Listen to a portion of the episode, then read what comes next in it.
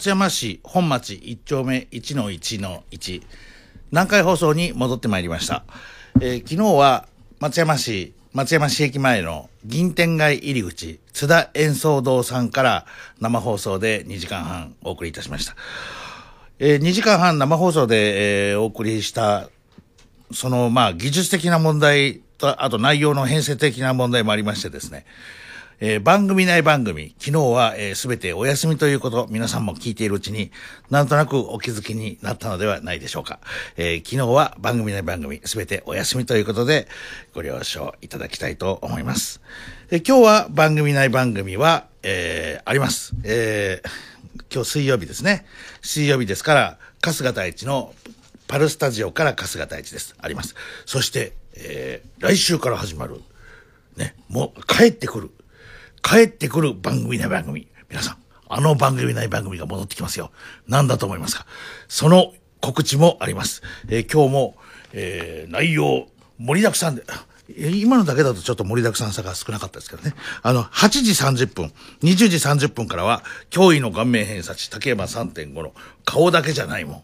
えーこちらの方もありますので、ぜひ、えーね、最後までごゆっくり聞いていただきたいというふうに思います。まあ、昨日はあの、僕もあの、外からの放送、生放送でしたので、まあ、いつもと違うというのは、まあ、ある意味何かこう、リフレッシュしたというか、気持ち的にこう、えーなんか緊張感もありまして、えーまあ、つつがなく終了することができました。皆さんどうもありがとうございました。え今日は普段の放送に戻っておりますので、メールなどもどしどし寄せていただいたらと思います。メールの宛先も一番最初に言っておきましょうかね、ひな太郎さん。はい。はい、はい。こんばんはよろしくお願いしますよ。ろしくお願いします。メールアドレスは jt アットマーク rnb ドット co ドット jp jt アットマーク rnb ドット co ドット jp です。お願いします。で、えっと郵便やおはがきは郵便番号七九零の八五一零松山市本町一丁目一の一です。郵便番号790の8510松山市本町1丁目1の1です。このね、1の1の1の後に、やっぱりね、何回放送って書いた方がいいみたいです。あ、わかりました。あの、今日、あの、実はあの、いくつか届いてるんですけども、あの、郵便局の方からの、あの、何回放送って書いた方がいいんじゃなかろうか、みたいな、あの、なんとなくのアドバイスが、優しいアドバイスがついておりますのでね。はい。何回放送？と書いていただいて。あ、わかりました。じゃあ、郵便番号790の8510松山市本町1丁目1の1南海放送？ドッキリナイト係ぐらいの。そうですね。方がいいんですかねドッキリナイトとか、そなんまあ、それそこは、そこ、何回放送まで来たら大丈夫だと思うんですあよ。、わかりました。じゃあ、南海放送と記入していただけたら。よろしくお願いいたします。で、はいファックスは零八九九一五の八八八八零八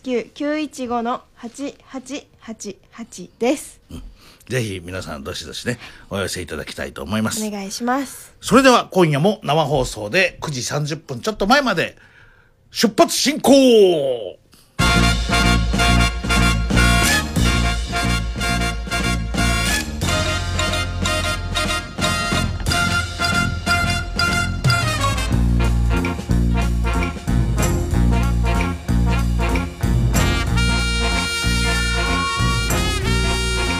はい、改めましてこんばんは杉作 J 太郎です。えー、こんばんはひな太郎です。えー今日は松山地方愛媛県地方はいい天気でしたねそうですねいい天気でちょっと蒸し暑かったあそうですかような私はそんな感じがしました。気温はそうでもなかったんですよねそうですね何度ぐらいでしたっけ？今日は23度か24度ぐらいじゃないですか違いますか？ね。最高気温が25度で最低気温が18度らしいです。そうです。最高気温は25度前後のところが多かった。いやーでも暑かったまあ、まあ25度あればい夏日ですからね、そうですね。えーそして明日木曜日もですね一日を通しよく晴れるでしょうと。明日も晴れです、はい、澄んだ青空が新緑によく映えそうです。ただただしえ藤木忠違います、えー紫外線が降り注ぎますので外に出る際は帽子や日傘を使って直射日光を遮るようにと。紫外線がいよいよ強まってきた。あこれあのまあ男女問わない。今の時代はもうこれ多分男女問わないと思うんですよ、はい。昔はあの男性はもう色が黒くてね日焼けしてる方がモテるみたいな風な印象がやっぱりあったと思います。広川太一郎さんとかね、えー、美濃もんたさんとか、えー黒沢敏夫さんとか。でもあのどうですか？今はもう男性もどうあのいや。ひな太郎さんのご学友の皆さんなんかは男性でも夏でも白い方とかいらっしゃるんじゃないですか？そうですね。でも多分そうやって呼びかけているのは焼ける焼けないとかよりも、うん。その何？や紫外じゃないですか？うん。はい。もろもろあるからじゃないですか？何がですか？なんか日に当たりすぎると皮膚が弱くなるとかああまあまあまあそういういろんなことが分かってはきてるんだろうけれどもやっぱり昔は男性はほとんど日焼けしてましたよ。日焼けマシーンなんてのもあるぐらいでね。いやいや今今はどうですか？男性女性。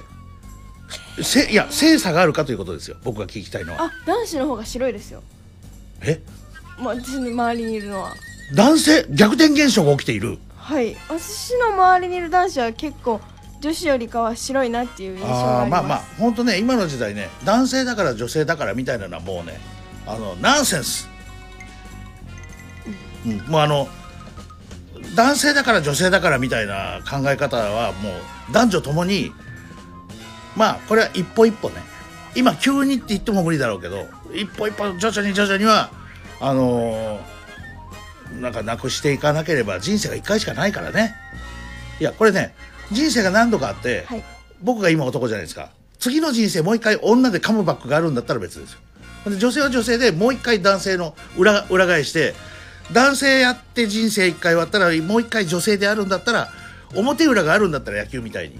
そしたらまあ男性女性受け持ち分担若干違っててもいいと思うんだけどやっぱり人生一度しかないとなるとやっぱりい、はい。一生長いじゃないですか、はい。それで例えばまあ今までの日本のことで言うと女性が損していたみたいなことがあるとこれは大変なんかあの僕も寝覚めが悪いというかね。あのー感じになりますからこれはもう女性の皆さんも好きにしていいと思いますよ。あのだから男性なんかもだからその日焼け止め塗ってるってこと？今は。いやそれはどうかわからないんですけどなんか親がもともと白かったとかは言ってました。その子が。色の白い人が、はい。で私の話で言うと私はあんま塗りたくなくて焼けたい時期がありました。日焼け。うんあだだから女性まあ女性で日を日に焼きたいっていう人はまあこれはまあ昔からいたことはいたでしょうね。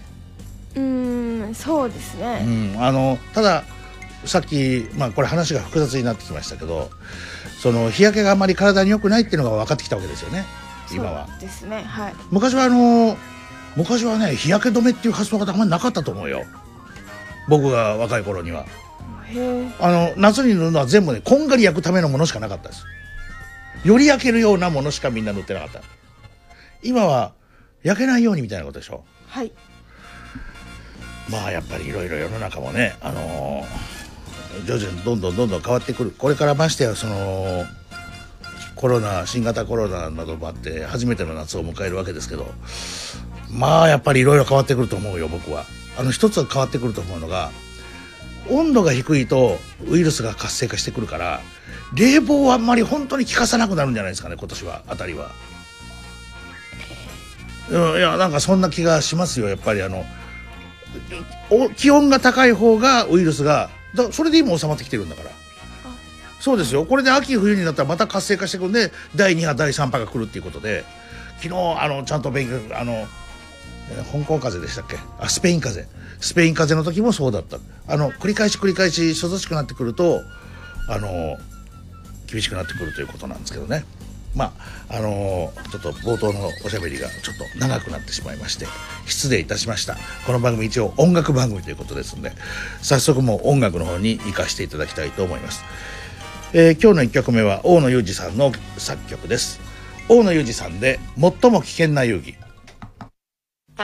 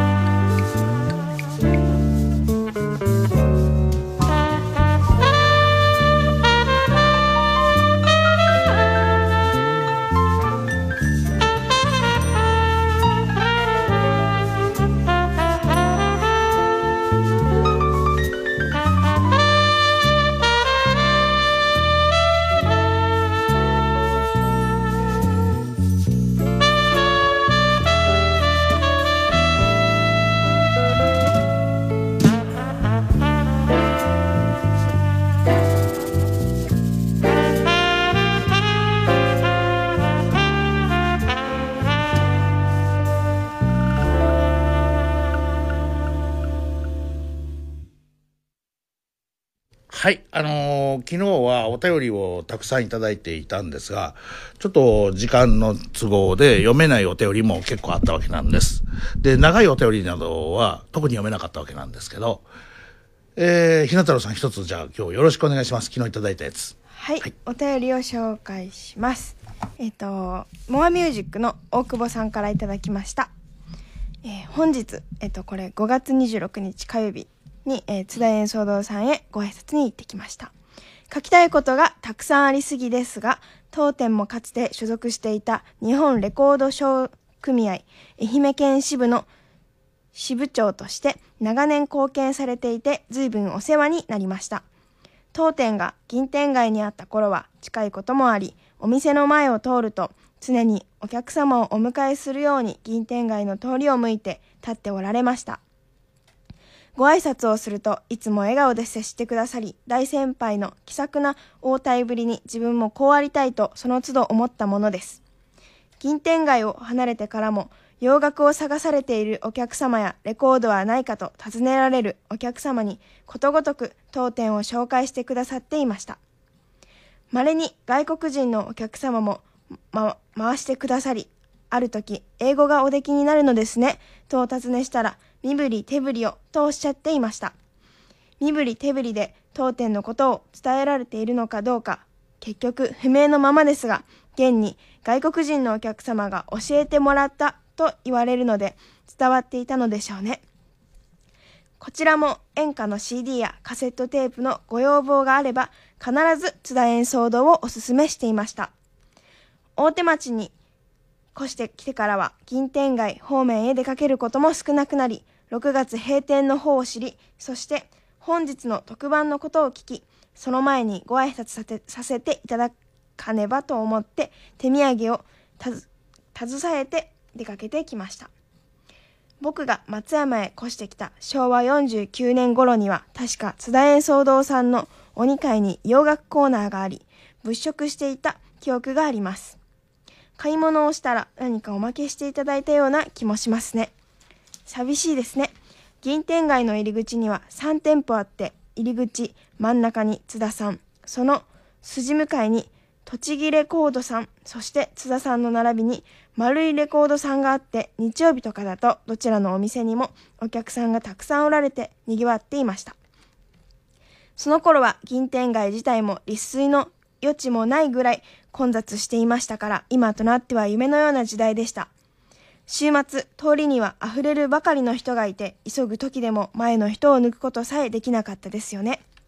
当店も すいません。当店も銀天街へ移転して皆様の仲間入りを果たしましたが組合の集まりで一緒に香川まで行ったこともありました。大阪まで飛行機で行ってソニーさんの CD や MD の発売あ、ま、すいません。発表会に参加したこともありました。今となっては懐かしい思い出です。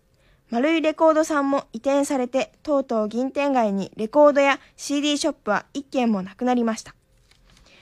ご高齢になられた今でも店先に立たれていてそのご様子をお見かけするにつけ頭の下がる思いがします。取り留めのない内容になってしまいました。創業111年のとてつもない長さの、えー老舗の閉店は惜しまれます。今日も演歌あ今日も演歌歌うところがなくなる言われるんよとお話しされ今日の夕方の取材のことや6月4日の愛媛朝日テレビさんの取材のことを楽しそうにお話ししてくださいました。長い間お世話になりました。お疲れ様です。とモアミュージックの久保さんからいただきました。はい。あのー今お便りの中にも、大久保さんのお便りの中にもありましたけども、2階、3階があったんですよね。ほんで、あのーまあ、今現状では2階の方にはもう行けなくなっておりますけども、えー昨日もお便りの中に、あの、2階で、五郎のね、五郎のフィルムコンサートを見た。もう五郎、五郎の新譜が出るために、ね、あの、ゴロゴロっておっしゃってましたけど、その、えーそれでは、今日もしかして今日も聞いてくださってるかもしれません。そちらも、そちらの方も。えー昨日おかけできませんでしたので、今日かけさせていただきます。野口五郎さんで、私鉄沿線。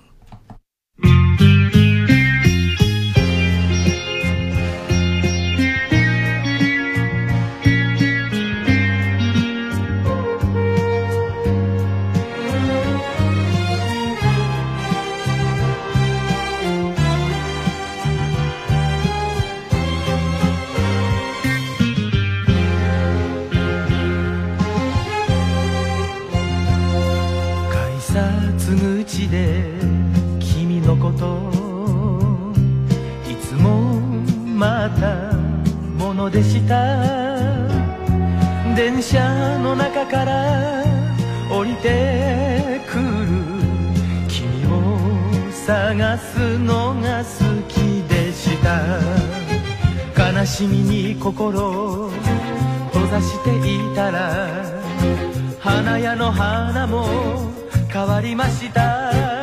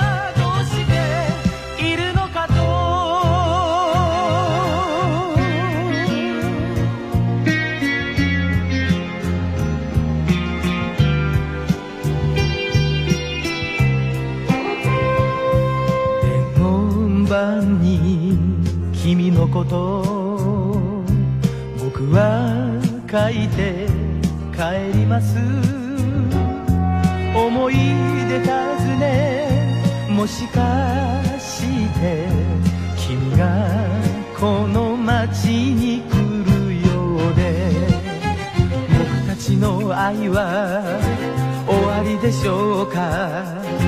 季節もいつか変わりました。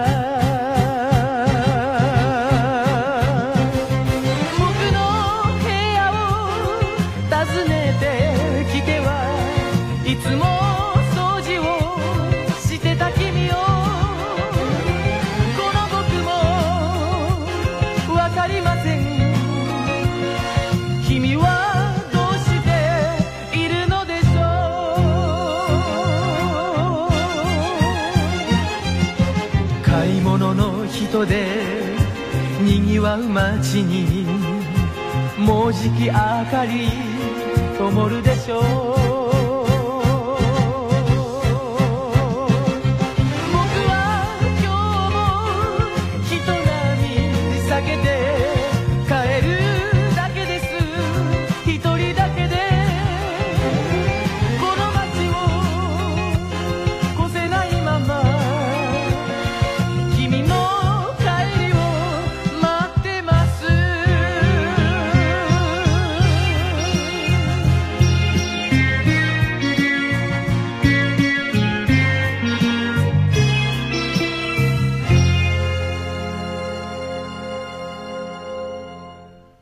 はい。野口五郎さんの名曲、私鉄、え、私鉄沿線ですね。そう、私鉄沿線。今、なんか間違ったことを言いそうになりましたけど、私鉄沿線。あのーまあ、これ、山上道夫先生の作詞ですが、山上先生のこの作詞の、今描かれた野口五郎さんが歌い上げた世界は、あれですよね。あの、付き合ってる女性がいて、その女性が、その五郎さんというか、まあ、五郎さんが歌うその男性の家に、まあ、多分家というかこれアパート一人暮らしでしょうね。そこへ遊びによく来てたん、その女性が。そういうことでしょあの、改札口で君のことをいつも待ったもん。そうですよね。どう考えても。ほんで、た改札口でいつも待ってたわけ。その街のこと、その女性が不安内だから。ほんで、あの、その女性が出てくるのをいつも待ってた。でも、どうやらこれが、何らかの原因により、別れてしまってる、疎遠になってしまってるんですよね、これね。で、今全然その、迎えに行くこともなくなった。はいで、ここが大きい、この歌の素晴らしいとこですけど、あの熱いコーヒー飲みませんか？よく行った喫茶店で。まあ、そこまではいい。この熱いコーヒー飲みませんか その店で言われました。君はどうしているのかと？なんてデリカシーのない店主なんだっていう、このほら、その喫茶店のマスター。あの、察してやれよっていう。彼女とよく来てた人が暗い顔して一人で来てたら、察してやんなよみたいなさ。ど、あれ？ど、どうしたの？最近、最近いつも一人だねみたいな。え、ど、あ、どうしたの？あれ？ま、まさか、まさか彼女じゃなかったでしょ？みたいな。もうなんてデリカシーのない。まあその、すごくあのドラマチックで面白いですよね。だからあの、昔のこういう歌謡曲ってさ、あの、物語を描いていくから、ほんで物語を短い言葉で、最小限の言葉で繋いでいくから、聞いてる側が膨らましていけるんですよね、物語を。だから、あの、歌を聴いてると情景が、物語がこう浮かんでくるっていうね。だから、昔は映画、歌がヒットしたら映画になったんですよ、よく。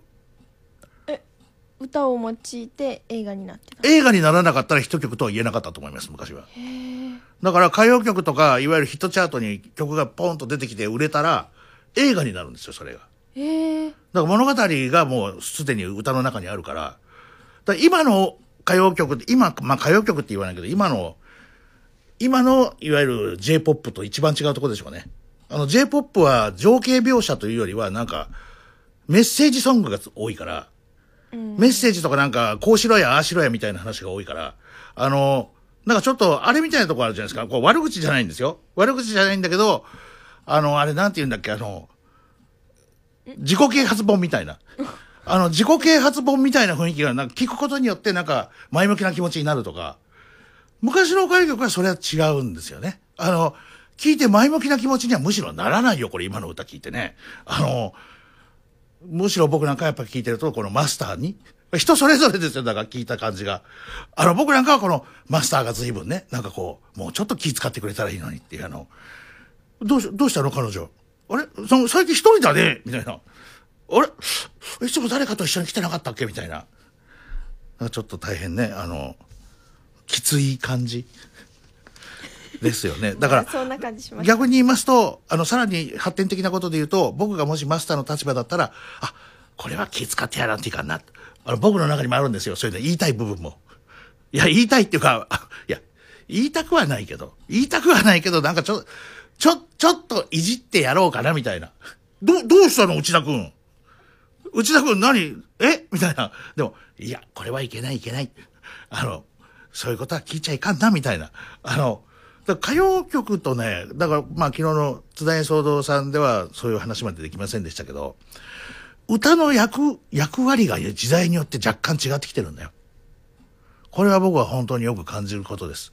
あの、ずっとこうやって見てるとね、いつぐらいからですかね、あの、昭和の終わり、平成が始まった頃からメッセージ、メッセージというかね、あの、ああしろこうしろを含めた、あとあの、励ますような、あの、聞いてる人を元気づけるような歌が増えてきた。で、昔は聞いてる人をね、落胆させるような歌が多かった。もうあの、エリーもの、春は何もない、春です。なんて言って、何にもないっつうんだ。この間ここでも聞いたじゃないですか。ない、ない、ない、何にもない。あだからね、昔はあの、聞いてる人がね、ちょっとがっかりするような、黒い花びら、静かに散った、なんて、おい、おいおい、ちょっと演技でもない歌やめてくれねえか、みたいな。あのね、聞いてる人を励ますような歌が増えてきたのは、やっぱり、昭和の終わり、平成の頭ぐらいから、多分ね、渡辺美里さんあたりからだと思うね、僕はね。渡辺美里さんという方がいてね、あの、さあみんな頑張ろうや、みたいな。よっしゃ、みんな行くぜみたいな。あの、で、その頃から男性の歌なんかでも、で男性の歌とか演歌の世界にももともとあったんですよ。あの、頑張れ頑張れみたいなのが。星野哲郎さんという作詞家が得意としたジャンルだったんですけど、北島三郎さんとかね、水前寺清子さんとか、一日一歩、三日で三歩、三歩進んで二歩下がる、うわみたいな。あの、それを歌ってる人もいるというエヴァンゲリオンの乗組員に。なんと恐ろしい、本当にあの、坂本真綾さんが。えー、もう本当恐ろしい話ですけども。まあちょっと私の話が随分長くなりましたもんですから、えー、ここで歌、再び、再びというか、再びじゃないね、あの、三度。まあみ、数えていかなくてもいいけど、あの、今日3曲目になります、次がね。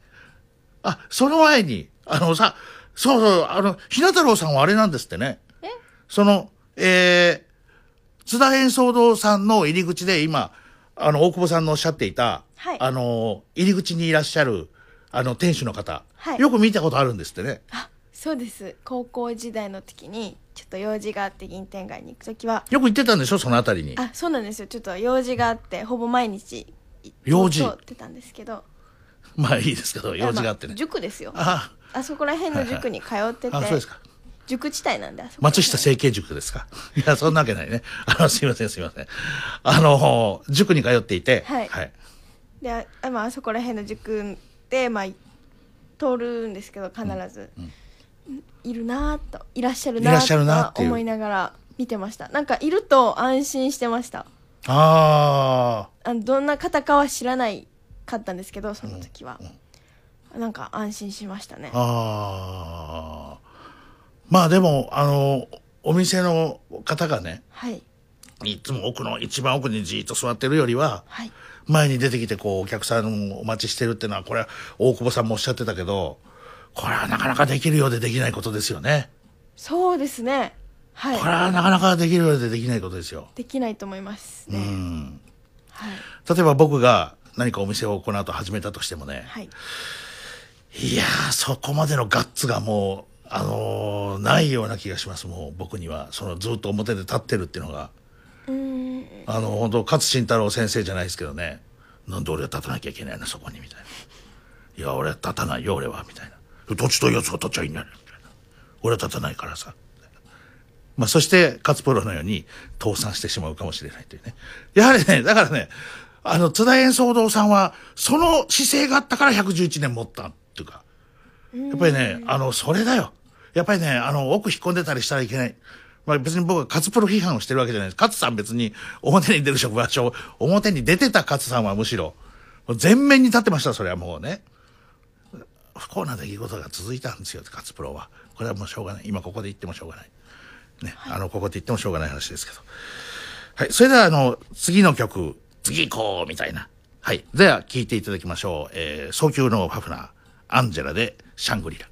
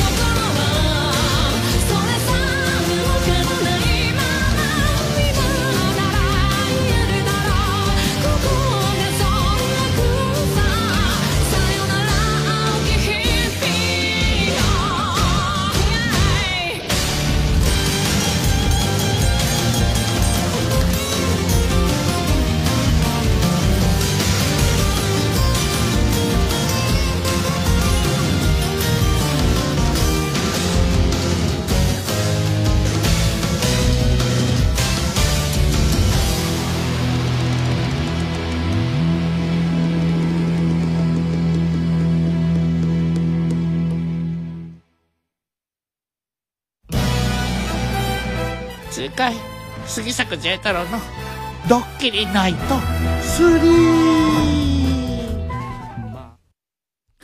はい、それではもう一曲続けて聴いていただきましょう。T-Rex でモノリス。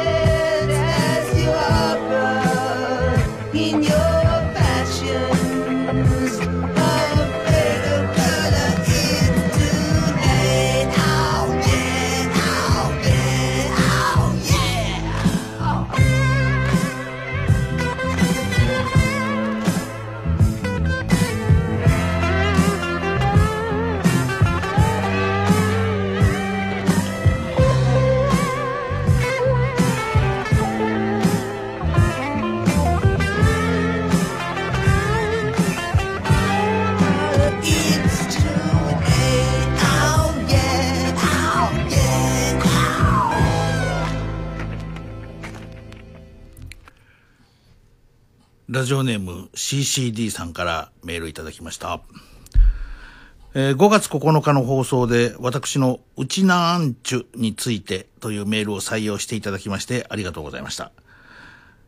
ね、あの、沖縄の方ですね。はいあの、うちなんちゅうというのは、えー沖縄の方沖縄の方ことであると。はいそして、えー内地の、えー人は、えー、大和音中というふうに言うのですよと。はいえーまた、その際に希望したサインカード、無事に届きました。ありがとうございます。J 太郎さんのイラストはもちろんですが、ひな太郎さんの直筆メッセージには、私のラジオネームと、かっこ、敗催、敗退、かっこ閉じる、沖縄方言の挨拶と記されていたのが特に嬉しかったです。えこんな細かいこと書いたんですか？はいすごいですね。よこれ知ってたんですか？この覚えてます敗催、敗退っていうのは。はいあのなんか沖縄に行った時にはい。「ハイサイ沖縄」って書いてたんではい。ちょっと使ってみたくてすごい。来ましたすごいですね。いや行った時に結局つ使ったのかどんどんひな太郎人気が上がってきていると。で僕はもうこれ上がり言われがありませんので今更、えーこれはもう残酷なことになっているということなんですが、まあ読んでいきましょう。えー今週も4日間の放送を楽しみにしております。すべてリアルタイム聴取とはいきませんが、いつも欠かさず聞いてますよ。ということです。ありがとうございますあのね、こちらの方もね、あった、そういうことがありました。あの、えー、ちょっちょリーナさんから、えー、月末の月末の営業から帰る途中、車のカーラジオで聞きながら帰っています。ということは、愛媛県の方ですね。きっとね。あの、ね車のカーラジオで聞こえ。あの、AM、FM でお送りしているのが愛媛県内の皆様に。はいそして、えーラジコを通しては日本全国の皆様にお送りしております。はいえーでね、今月の中旬までコロナの自粛のせいで販売に出られなかったため、売り上げが散々ですが、会社はそうもいかず、えー会数会社のメールメールは、数字をやろう。まあ、いわゆる、この、数字を上乗せじゃないけど、この、もうちょっと、き基本の数字をね、上げようですよね、これ多分ね。数字をやろうではなく、やれです。もうとにかく厳しい、これ。やれ結構追い込まれていますが、ラジオを聞きながら、つかの間のひとときを楽しんでいます。ひな太郎ちゃん、可愛い声ですね。ジェ太郎先生のダミ声をかき消してもらっています。いやー、もう本当にありがとうございます。あのー僕も、僕からもこれはお礼を言わなきゃいけませんね、そうなりますと。いい声になるように頑張りますえーそしてこちらもいただいております。えー東京都武蔵野の方、ロビンソンかの子さんです。こんばんは。昨夜の放送は大変興味深く拝聴しました。昭和に育った私は、あ、違います。昭和に育った私も、新しい音楽との出会いはいつもラジオで、聞いて翌日レコード店で探すというものでした。LP はお年玉や誕生日に買ってもらい、お気に入りの歌手はお小遣いでシングル版を買ったものです。小学校の頃は友達を集めて、ナオミの夢でゴーゴーダンスを踊ったり、すごい。すごそう。ナオミの夢でゴーゴーダンスを踊ったり、互いにレコードの貸し借りをしたり。これもね、友達のレコード借りるのも、これ気使いますよね。あの、僕一回あの、自転車の荷台にくくりつけたら曲がっちゃってね、友達のレコードが。あの、昔のレコードはほら、ぐにゃって曲がるんですよ、熱で。これ、ぐにゃって曲がっちゃってね、はいあのーレッド・イット・ビーだったかな。あの、ぐにゃっと曲がっちゃってね、ちょ一頃ちょっと、それが元でビートルズのこと嫌いになりましたよ。あの、まあ、僕が悪いんですけど、僕が悪いんですけど、はい。えー、互いにレコードの貸し借りしたり、街のレコード屋さんはいつもワクワクする場所でした。100年以上も松山の街に音楽を届けてきた津田演奏堂さんに、一音楽ファンとして拍手を送りたいと思います。本当そういうことなんですよ。だから100年以上音楽を届けてきたということは、あれじゃないですか？あの、だから、あの、夏目漱石さんとかも前と買ったりしたかもしれない。もっと前ですからね、夏目漱石さんは。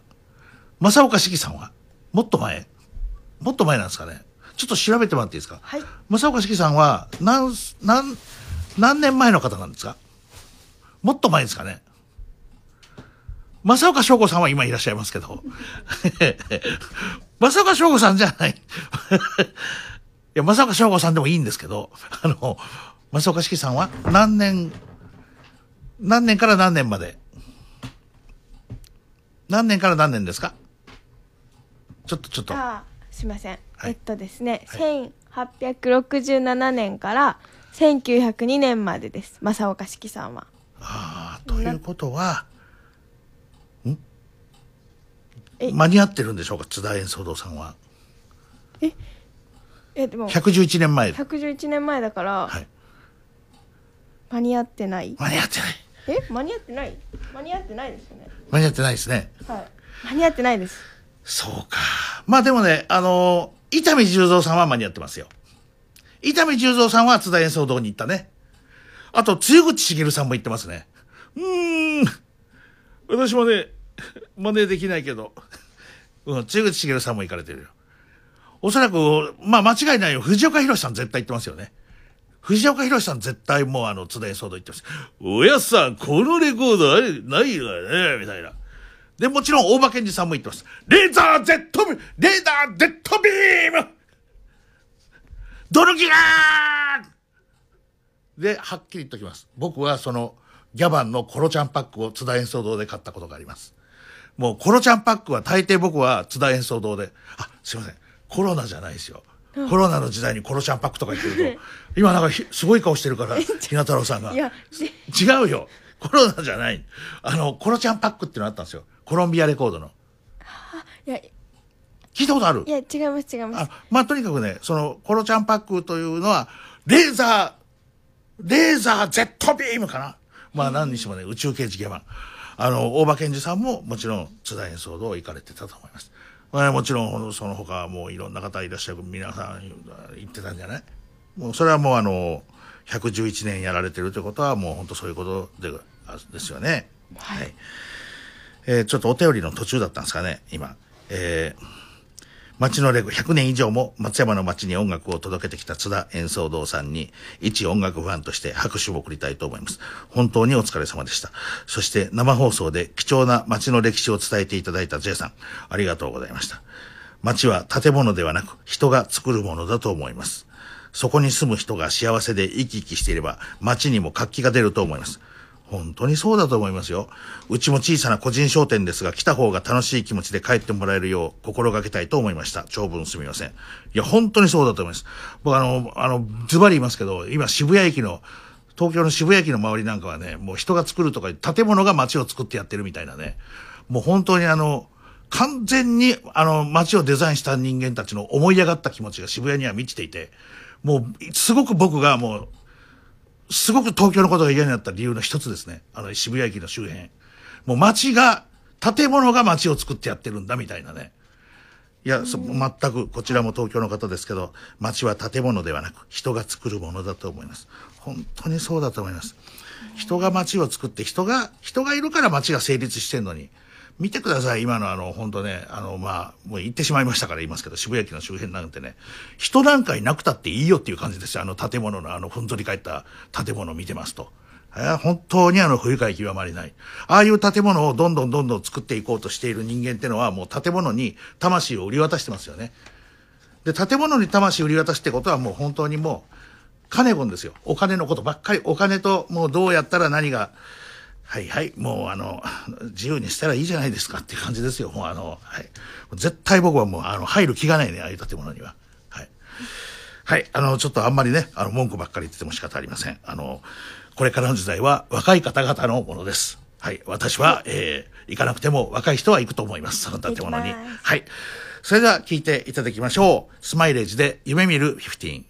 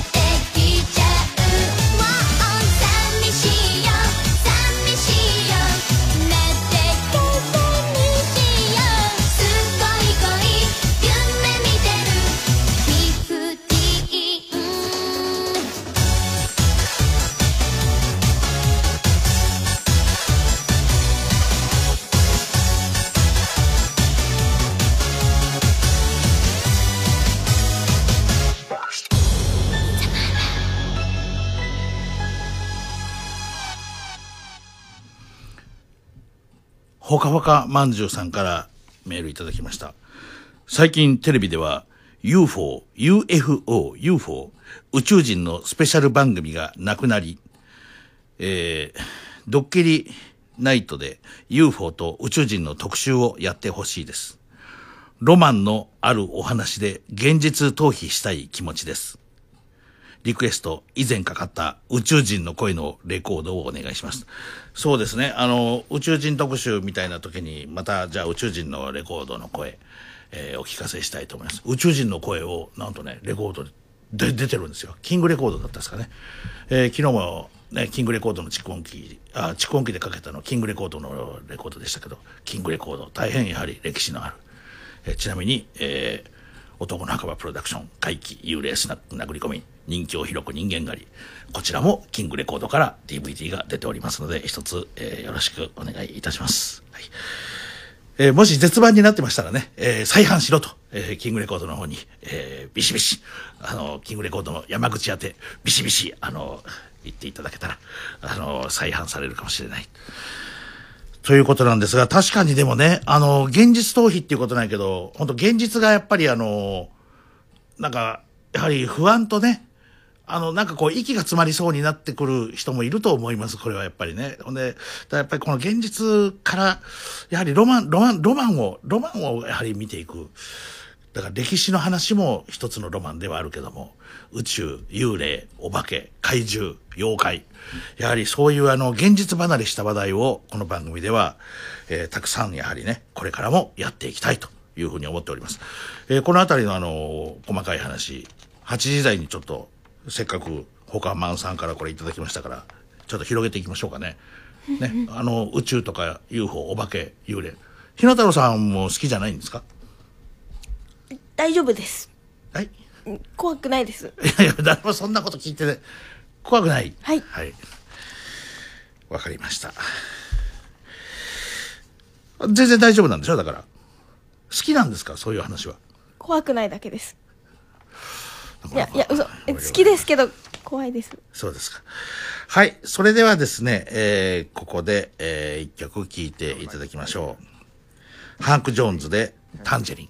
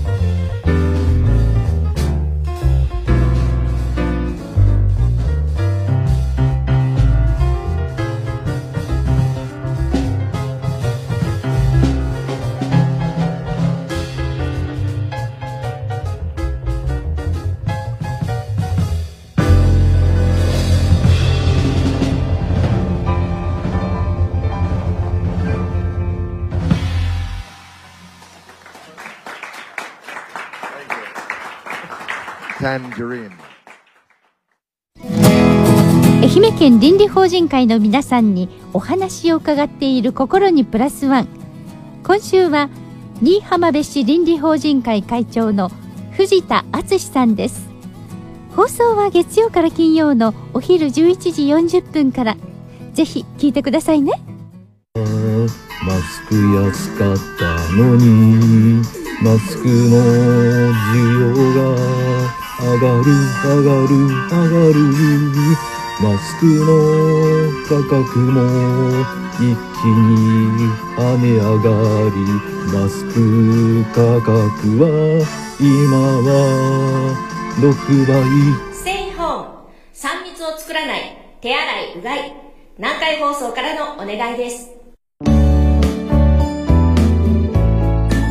F 南南海放送が午後8時をお知らせします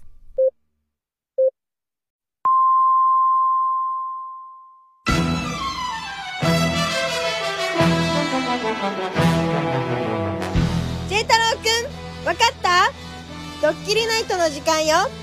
ドッキリナイト3ドッキリナイト S リフトオフ。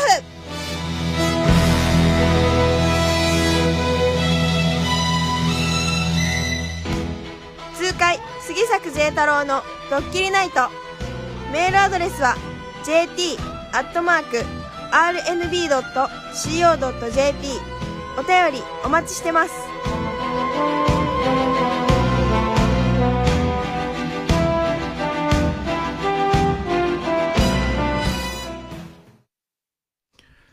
はい、20時台になりました。まあ、20時台ってことですかね。20時になりました。えー通会杉作 J 太郎のドッキリナイト3、えー今夜も生放送でこちら、愛媛県松山市本町にあります南海放送2階にあります、えーパルスタジオからお送りしております。こんばんは、杉作 J 太郎です。こんばんはひな太郎ですどうですか？その宇宙人とか、あの、お化けとか、そういう現実離れした話題が欲しいなっていう話なんですけど、ひな太郎さん的にはその怖い怖くない大丈夫とか抜きにして、割と嫌な方なんですか？いや、いあの、そういう話はもうちょっと勘弁してくださいみたいな。いいやそこまでは嫌ってはない。好きではない。なんなんていうか見た後に一日中考えちゃうので、テレビとか。その日の夜とかに、はい。あのー聞いた後に、はい。暗がりとかを見ると、はい。その暗がりの向こうから出てきそうな気がするみたいな。あもうお風呂とか入れないですよね怖くて。後ろもう何回も見ます。5秒おきに1回とか。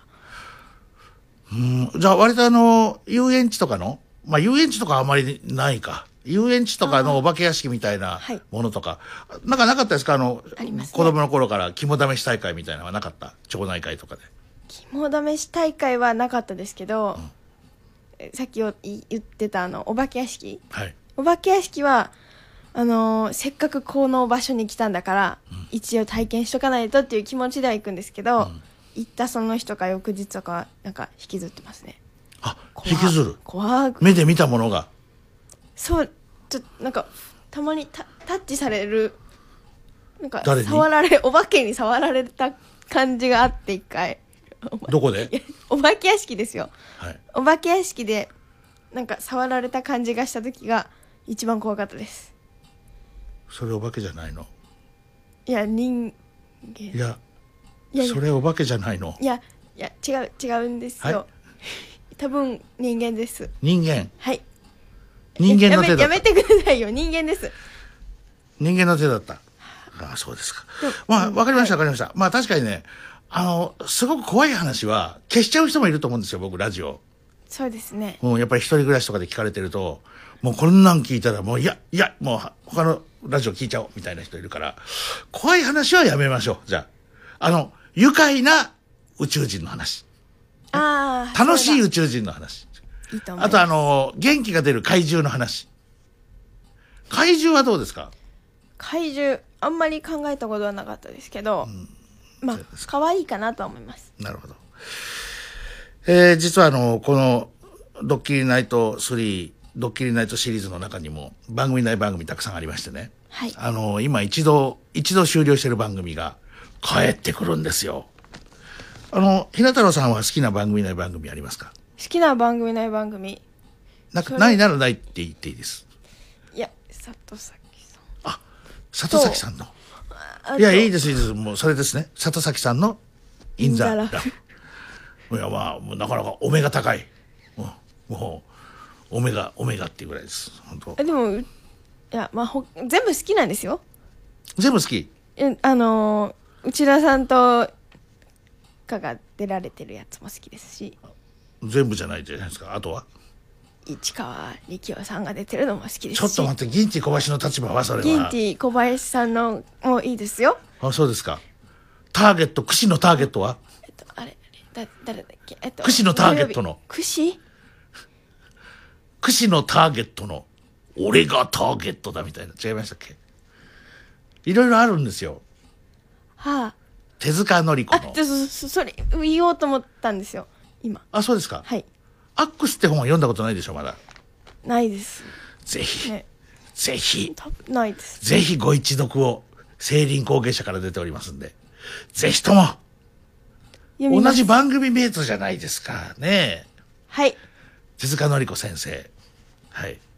僕の原稿も載ってるんですよ毎月、ま、毎月じゃない毎回。ええ。ぜひあの読んで試験に出ますよ僕のとこはこのドッキリナイトの。ええ。卒業試験があるんだから。え？ドッキリナイト卒業試験受からなかったら卒業できないんですよ。どうなるんですか？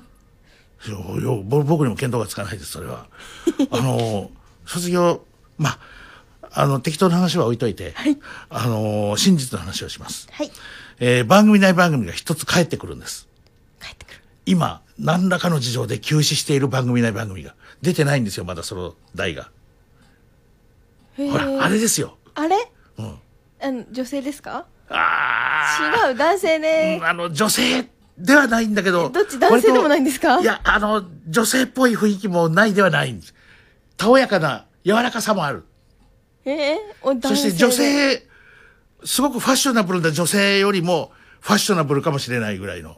男性ですか？ファッションセンスはかなりもうかなりのものです。男性で。はい。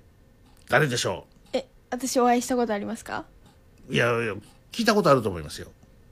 聞いたことあると思います。あの髪型はどうなんですか？この番組の中で聞いたことあると思います。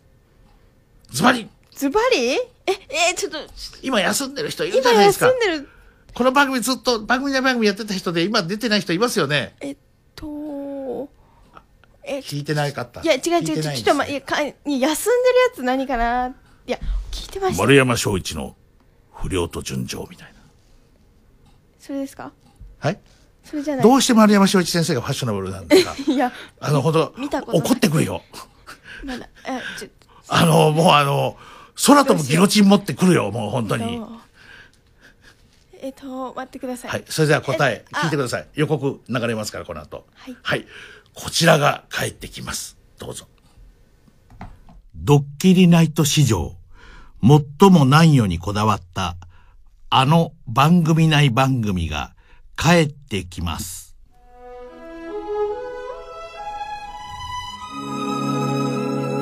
短期集中シリーズ、ハンター直樹の南予ハンター。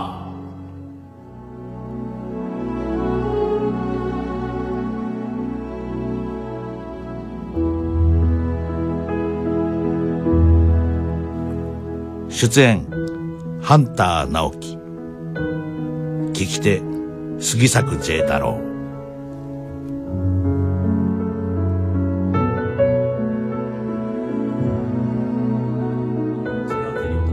何か物足りないなっていうのを感じて。で久しぶりにですねこの宇和島に行った時にこのゼトコゼリーを食べてああこれだこれ。昔食べた味ってこんなんだったなっていうのででまあこのトコゼリーなんですけどまあお一つ180円。え？あすいません。189円です。はい。はい。はそれは何？税のい税込みです。まあ大体そんなもんだってまあそうです。大体そんなもん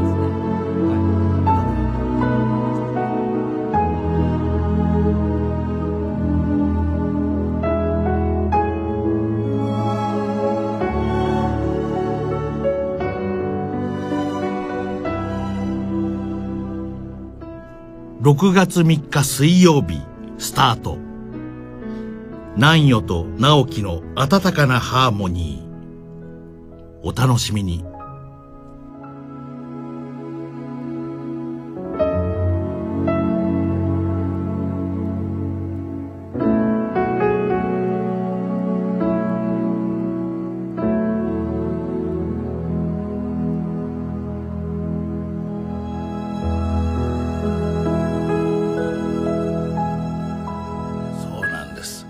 ンター直樹が帰ってくるんです。ハンター直樹えー、ハンター直樹の南洋ハンター帰ってきますんでね。やはりこの愛媛県も、あの、東洋地方と南洋地方じゃ気候も違えば、なんか雰囲気もね、あの、全く違い、全く違いますよね。そうですね両方行ったことあるでしょ？やっぱり。あ行ったことあります違いますよね、全然。違いますねはいあのーやっぱり、まあ、どう違う、どっちがどうってことないですけど、やっぱり違うことは違います。はいだからこの南洋の魅力をハンター直樹がハンターしてくるというね。ハンターはい。大変楽しみですね、これはね。あ楽しみですのー僕も大変楽しみにしております。あのーやっぱりあの、南洋の方は、特にこう、お魚とかが、もうこれは、相当美味しいでしょ？美味しいですねひな太郎さんは結構行かれたりしてたんでしょ？はいあの行きます行きますええ。あの授業とかでも行きましたよ。あの、すごい美味しいカツオとかがあるんですよね。あビアビアガツオ。ええ。はい。これ食べたことあるんですか？多分食べたことあります。多分食べたことがある。どんな感じなんですか？ええ。あのなんかふ普通のカツよりなんか、プリップリしてるような感じしますね。え？プリップリしてるようななんかピッチピチピチピチでもないね。ピチピチ。ななんか、どうだ考えるとよだれが出てきたんですけど考えるとよだれが出てくるってそんな感じの食べ物です。じゃあ。考えたらよだれが出るって言ったらやっぱ美味しいですよ。そうとっても美味しかったですよ。ななんかあのーうん、美味しいです。なんかギュッとカツオの美味しさが詰まったようなあの、僕なんかも新鮮で。ね、あの、南洋の方に行くとね、はい。あの、回転寿司屋がね、回転寿司でも美味しいですよって言って。あの、この、南海放送で、食通で有名な、三谷、三谷隆二解説委員がですね、あの、一緒にあの、去年ですよ、野球博、愛野球博の漫画喫茶で二人で回ってた時に、もうず、ずっと言ってたんですよ。それをもうね、あの、いや、じゃあ、行きましょう。八幡浜、八幡浜の回転寿司。それまで待ってください。お待ちください回転寿司をって言って。ほんで、行ったことあります？その回転寿司は。八幡浜の回転寿司ですか？あの、えっとね、道の駅みたいなところにある。あれですか？港港にあるやつです。港ですかね？港っていうの、あれ違う？港じゃないですかね？港っていうところなんですね。あの、いいろんな商業施設があるところです。ありますね食堂もありました、いいろいろ。で、そこに回転寿司屋もあるんですよ。ああるんですか？あったんですよ。ええほんでそこ行って、やっぱりね、あの、食べた。そしたらね、あの、三谷隆二解説員が、はいどうだ、どう、どう、美味しいでしょみたいな。言いながらもね、なんか目がね、目がね、あんまり高いの頼むな、みたいなね。くらっ目が、目がクワッとなってたからね。あの、うーん、まあ、三谷さんがこれ聞いてないと思って喋りますけど、やっぱり一人、やっぱりね、美味しい食べ物は、あの、人に出してもらわない方がいいと思うんですよ。やっぱり自分のお金で食べないと、遠慮しちゃうから、あ遠慮して食べてたら本当の美味しさがわからんね、やっぱり。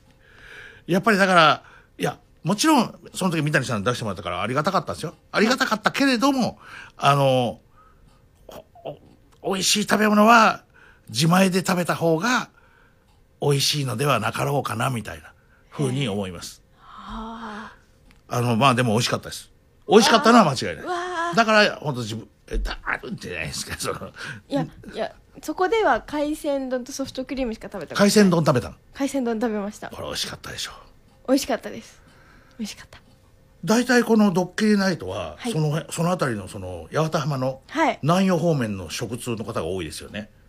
井上ネオさんがやっぱりその八幡浜にあ八幡浜から電話もらったことあるよ。一回年末かなんかに。あので電話で参加した時は八幡浜のあそこにいましたよ。その港。港。今港にいますみたいな。お父さんお母さんと来てますみたいな。ね美味しいもん食べましたみたいな。うわー。食べたい。なんか確か海鮮とかもや焼けたんですよね。ん？1000円ぐらい払ったら。1000円払ったら？海海鮮焼きみたいなのなかったかな。へえ鉄板焼き？網で焼いてたような気が網で焼いたするんですけどね。記憶では。網でこう取れたてのものをはい。浜で焼いて。あそうそう「丸ー!」なんて言って矢崎茂さんがまあごめんどんなことか分かんないでしょうけど。いや匂いがしてくるんですうよわすごく美味しそうだった記憶があります。匂いはただ。匂いはただです。あんまケチケチ私匂いしながらあの海鮮丼食べてえー、ほかほかまんじゅうさん匂いはただらしいですよ。いやでも本当あのいいですよね。回転寿司がすでに美味しいっていう。えー。あのでもねただこの辺りも回転寿司すでに美味しいんですよ。愛媛県。あの回転寿司チェーンによっては、はい。巨大チェーンだけどまあどことは言いませんけど地元の魚出してるもんね。そうなんです出してますよ。あの地元の魚が出てるとこあるんですよ。はい。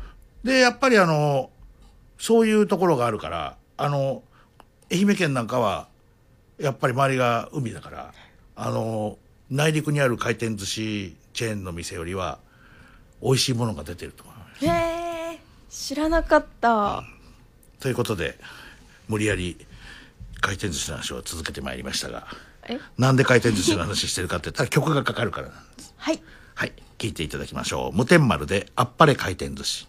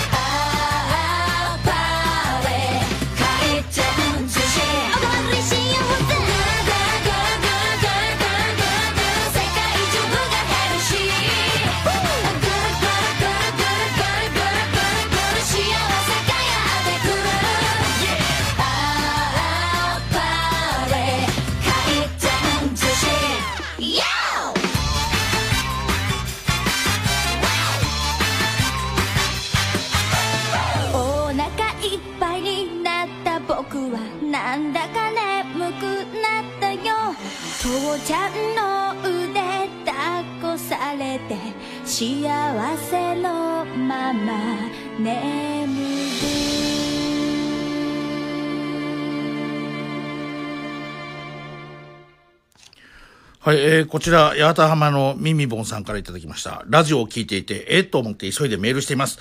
八幡浜には回転寿司屋さんはないですよ。それ、宇和島のことではないですか？宇和島の道の駅、記載屋広場には、確か回転寿司屋さんがありますね。八幡浜の道の駅、港には、というか、八幡島ま市市内には回転寿司屋さんはありません。よろしく。はい。そうでした。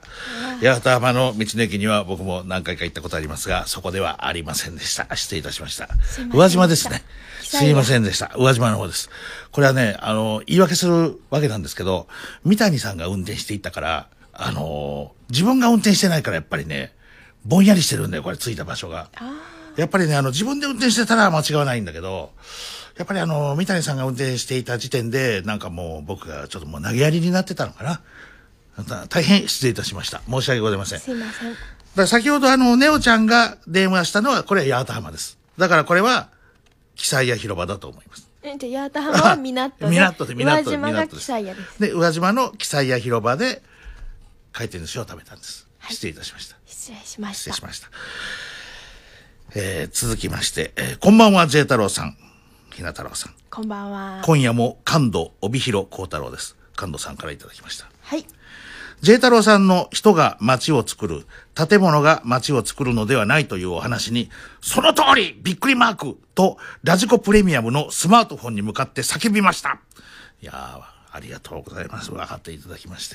もう別にね、僕はね、怒って喋ってるわけでもね、あの、イライラしてるわけでもないの。本当に心の底から思ってるんで、これ、これ、これに関しましては。はい。えー、関東さんもありがとうございます。同じ気持ちで。新型コロナウイルスの影響で、ここ数ヶ月、人々は密を避けるために都心から離れていきました。感染症に怯えるこれからの時代、都心の価値は下がっていくのではないでしょうか。人々は都心ではなく地方へ、大きな建物ではなく自然に近い暮らしを求めていくのではないでしょうか。そんなことを北海道十勝の大自然の中でちょうど考えていたところだったので、J 太郎さんからのお話がタイミングよくびっくりいたしました。関東さん、ありがとうございます。はい。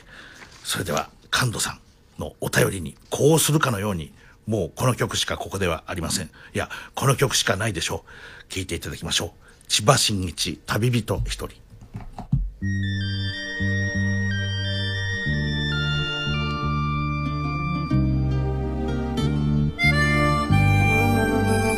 男の命の寂しさは例えば荒野のちれ雲。どこへ行くどこへ行く旅人一人。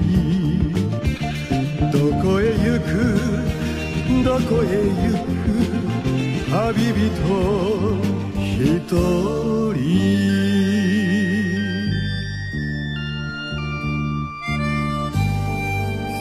男の夢の儚さは夜空に燃えて散る花火どこへ行くどこへ行く旅人一人どこへ行くどこへ行く旅人一人。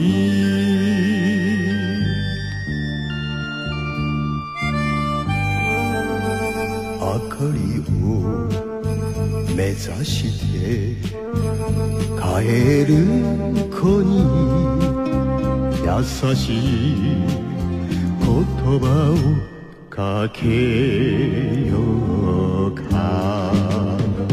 どこへ行くどこへ行く旅人一人。どこへ行くどこへ行く。旅人一人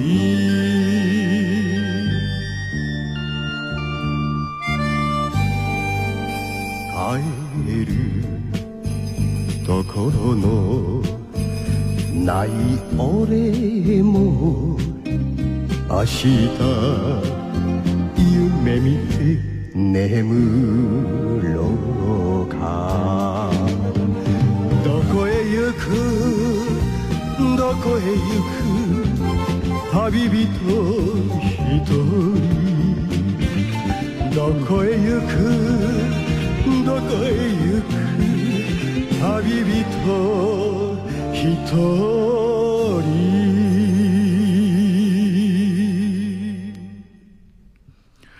はい、えーこの後20時30分からは、驚異の顔面偏差値竹山3.5の皆さん、かん。竹山3.5の皆さんによります、竹山3.5の顔だけじゃないもん。えーこちらが始まります。顔だけじゃないもん本当にもうね、あの、絶対違うもん、それはもう。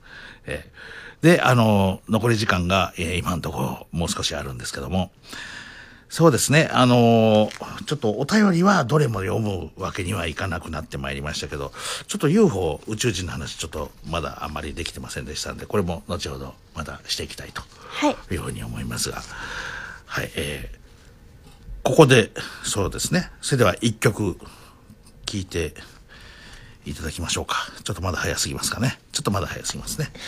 あのーいや、早すぎませんね。はい。行きました。もう他のことはする時間はありません。はい。さあ、それではあの、ここで聞いていただきましょう。高橋幸宏さんで、えー、美人教師、水泳教室。「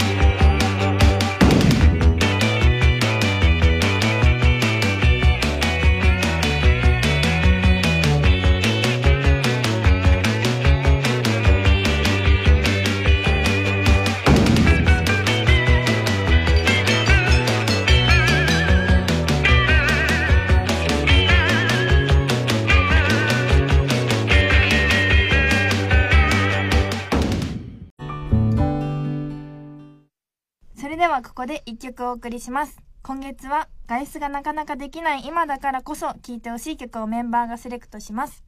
今日は桜セレクトです。曲紹介します。危ない。お願いしますって言うとはい。それでは「マイヘアイズバットで「ホームタウン」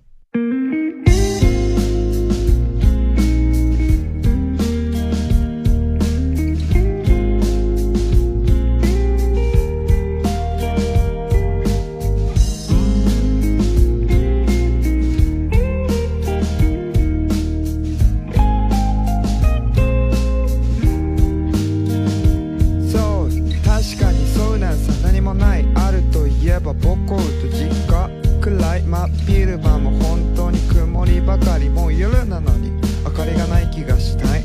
海山川田んぼ雪はあるけど月もしない。釣りもしない今日も三六線にかかるカラスとこの街でまだ夢を見てる。マルコ東雲和の木あたりに1杯2杯3杯みたいにぱい気づいたらニックスの記憶がないから次の日みやりにて反省会。ほんでたまには直江津にも顔出して N の沼にお邪魔して昼頃起きたら上越やお疲れした。また遊びに行きたいな。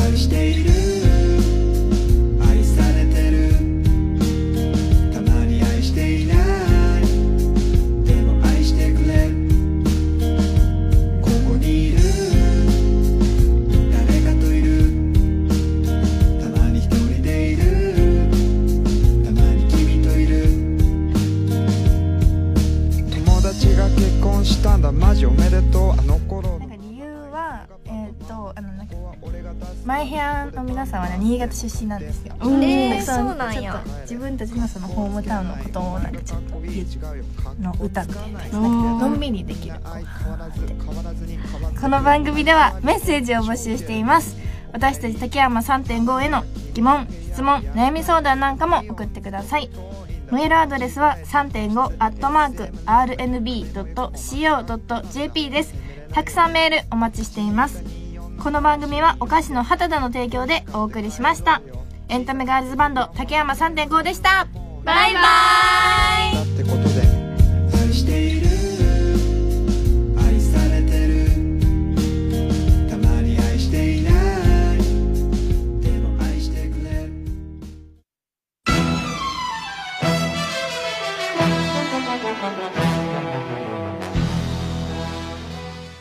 痛快杉作 J 太郎のドッキリナイト3。じゃあよろしくお便りいただいてます、えー紹介しますラジオネームおのじさんからです杉作さんひなたさんこんばんはこんばんは。こんばんは、えー昨夜の津田演奏堂特集を拝聴しましたはい。ありがとうございます。ありがとうございます。あれは、真面目な話、放送ライブラリーなど、公共の機関に提供保存した方がいいと思います。僕もそんな気がします。一世紀以上にもわたる松山の音楽文化を記録した本当に貴重な放送。松山は日本最古の音声もあるし、こんなに興味深い場所とは思いませんでした。あの、昨日来ていただいたあの、総館長のね、坂の家の久保ミュージアムのはい。松本総館長。松本総館長は、あの、ひな太郎さんも教わってるんですってね、実は。はい。一度だけ授業に来られのいらっしゃったことがまた来ていただきましょうね、じゃそうですね。そうですね。あ。はい。あすいません、ちょっと。あまあ、そんな話もありつつと、ということで。はい。はい。あと、個人的には松山が育てた名俳優、露口茂さんも、露ぐだろうね。露口茂さんも、はい津田演奏堂に通っていたかもしれないと聞いて、大変興味をそそられました。これは通ってたと思うわ。私の理想の大人像は、太陽に吠えろの山さんこと山村啓二です。うーん。その山さんも訪ねていたかもしれない津田演奏堂。3月に訪ねておけばよかった。公開先に立たずとは、まさにこのことですね。といただきました。まあ、あのーでも、なんて言うんでしょうね。あのー心の中で旅していただければああ、そうですね。いいと思います。はい。それではここでね、あの、一曲聴いていただきたいんです。あの、昨日、コメントいただいておりました、津田演奏堂さんにいきなりひょっこり現れたという、えー、氷川きよしさん。この番組でも随分おかけいたしました。えー、毎日のようにかけてた時期もありましたけども、えー、今日、また改めまして、えー、かけさせて、流させていただきましょう。えー、氷川きよしさんの、えー、シングル、聴いていただきます。先ほどあの、竹山三択の皆さんもね、あの、お母さんに別れを告げなんて言って、育てのお母さんですけど、かぐや姫が。ね、そんな話ありましたけど。はいあの、かぐや姫今どうしてるか知ってます？まあ、今どうしてるか知ってます？かぐや姫。えその後どうなったか知ってます？月ー、帰った後帰ってい。って、からは知らないです月帰った後ね、はい音楽やるんですよ。あの、南こうせつ、伊勢正蔵、山田パンダという3人になりまして、歌を歌うんですよ。それが大ヒットしましてね。まあそんな話はまた後の話。さあ、それではここで一曲聴いていただきましょう。氷川きよしさんの曲で、母。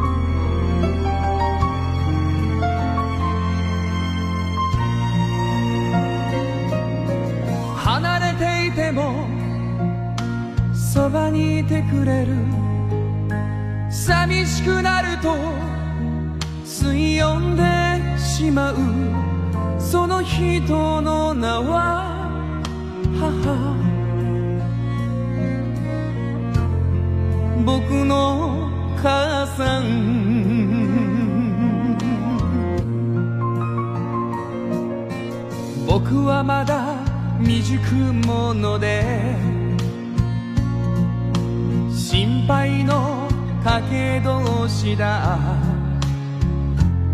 だけど母さん見ていておくれ。僕はやるよ。何事かをなすよ。希望の星を追いかけろ。諦めなければ負けないと。励まし。続けてくれた人。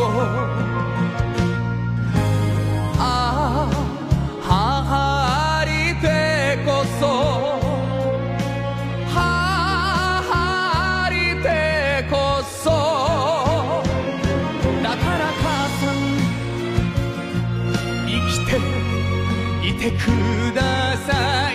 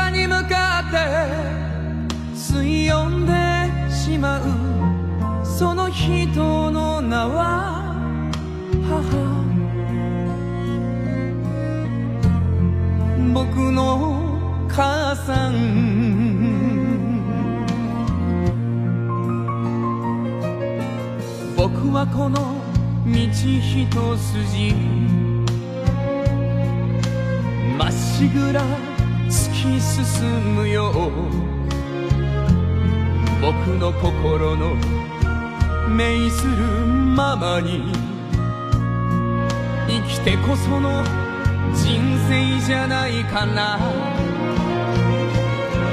世界を敵に回しても私はお前の味方だと涙で誓ってくれ人。ああ母ありてこそ。母ありてこそ。だから母さん生きていてくださ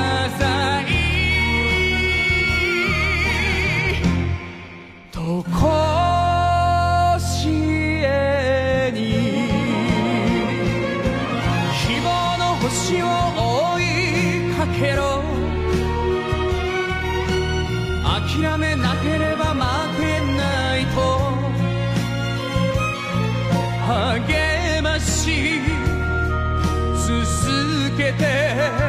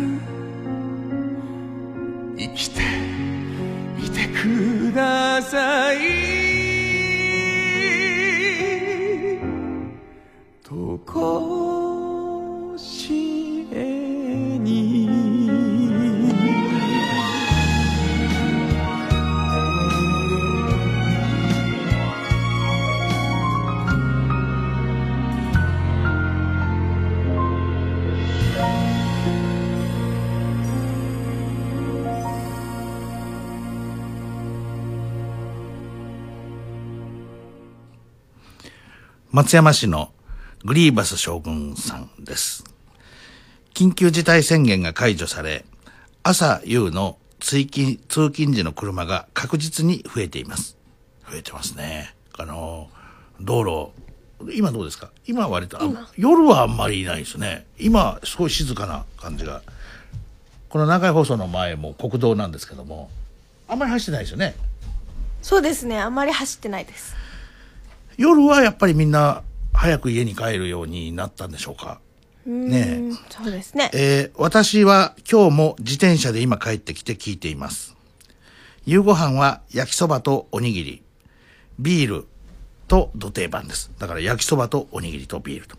えーその後は焼酎をソーダ割りで、ラジオがつまみです。今日も楽しい番組お願いします。えーリクエストもいただいてるんですが、これも近々お答えしたいとは思いながらも、ここでは別の曲なんですが、聴いていただきたいと思います。ね、すいませんね。あの、原田知世さんのね、リクエストをいただいてるんですけど、これもう明日、明日、明日待ってください。はい。今日はサディスティックミカバンドで、ボーイズガールズ。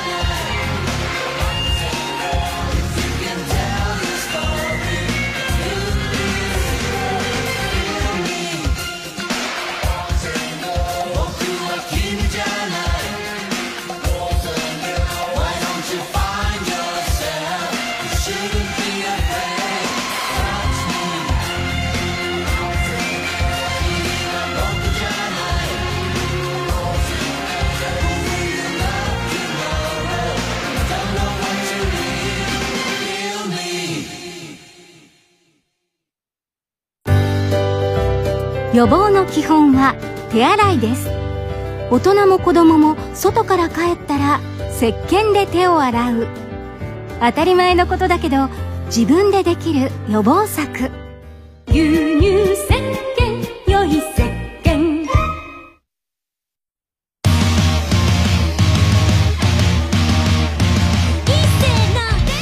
南海放送ラジオ今週の一曲です。超ときめき宣伝部「トゥモロー最強説」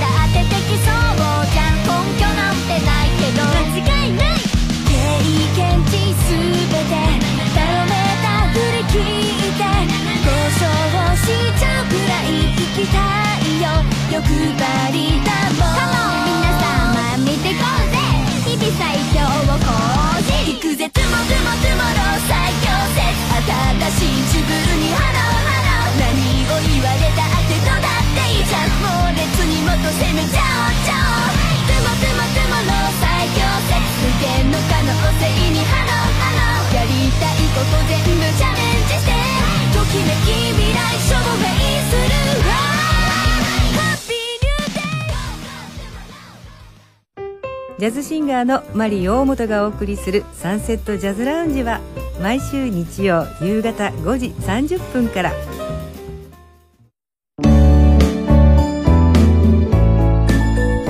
F 南南海放送が午後9時をお知らせします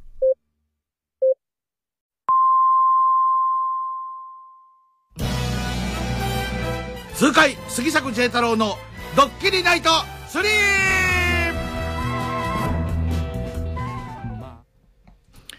はい、えー、お便りをいただいております。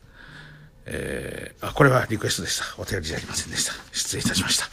えーちょっとぼーっとしておりました、今ね。ああの、お便りを紹介したいと思います。はい。はい。えー、臨天石村さんからいただきました。ありがとうございます昭和の曲にはドラマ、そしてなんというか余白があった気がしますね。私鉄沿線には、はい、今日かかりました、野口五郎先生の私鉄沿線、改札口で君のこと、いつも待ったものでした。えー、店の人に言われました。えーきあの人はどうしているのかみたいなね。えー君はどうしているのかと店の人に聞かれましたということなんですが、えーそんなドラマの余白があると思います。こんな説があります。私鉄沿線の私鉄とはどこかを考えてできたのが、いわゆるアンサーソングの池上線。で、恋人と別れた彼女がどこに行ったのか。で、できたのが、あずさ2号。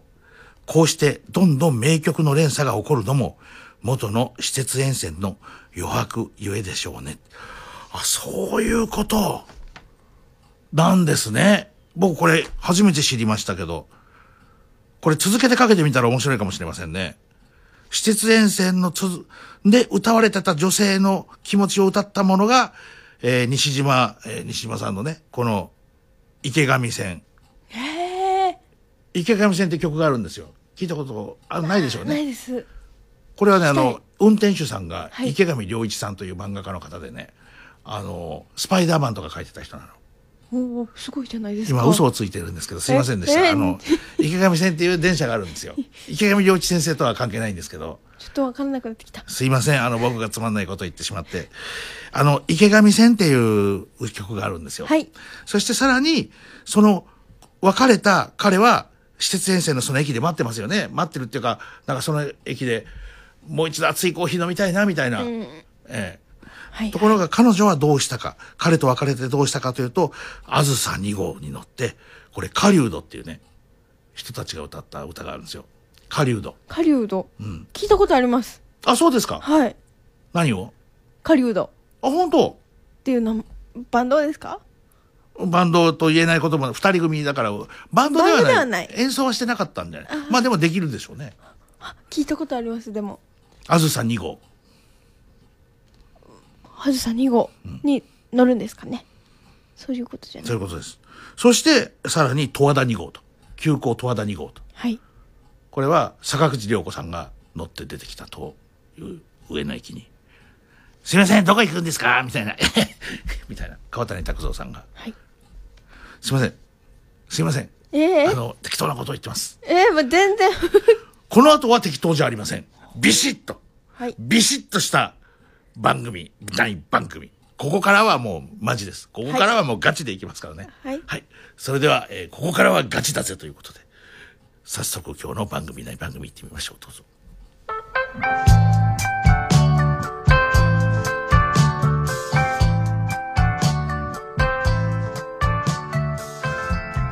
パルスタジオから春日太一です。出演春日太一聞き手杉作 J 太郎。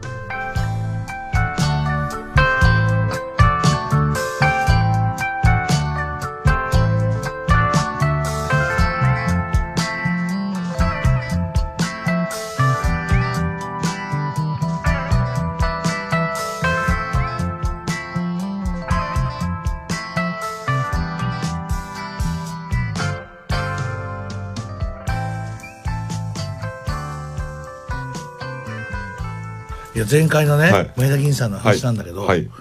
あのちょっとまああの僕の話になってしまうんだけどね。あるある人がね、言ってたんだよな。初めてその人がね、あの女優さんなんだけど、新人の女優さんが、あの映画に出る時、でデビューする時に、いろんな共演者の人と会ったと、で中にはあのスターと呼ばれてるような、だから本当ねさっきからさっきじゃないあの前回も、はい。前回言ってたその前田銀さんとか、あの横山高山茂さんとか、はい。あの前田銀さん、高山茂さんっていうのはやっぱり芸能人じゃなく役者さんですね。そうですね。あの、ところがやっぱり今って芸能人みたいな役者さんいるじゃないですか。ああいますね。はいいますね。ほんでね、その女優さんが言ってたんだよ。どうだった？まあ、まあ僕ちょっと知り合いだったんでね、あの、どんな感じだったの？みたいな映画で。結構前の話だった、そしたらね、そしたらその女優さんが言ってました。いやー、さすがです。みんなやっぱり違います。何が違うの？オーラが出てますって言うんだよ。もうそれ聞いた瞬間ね、こいつはダメだと思ったの、僕はその時。そうですね。ほんで、今の話聞いて、やっぱりおあの時ダメだと思った僕の勘は正しかった。と。そうですね。オーラを消してこそですよね。あの、俺がスターだ、俺が芸能人みたいなオーラが出てる人見て、ありがたがってるようじゃ、お前の行く先も見えてるわっていうね。同じプロでやってるわけですからうねん。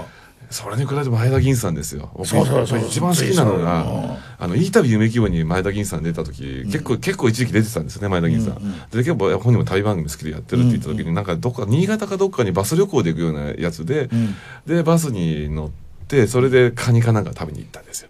旅番組好きだよね、前田銀さんそうね。前田銀さん。で本人もやっぱね人に会うの 俺、僕も見たことあるよ。ただあの人えあんなにその好きなのに行った先でそこまでサービスが良くない。あの旅番組で基本的にサービスいいじゃないですか。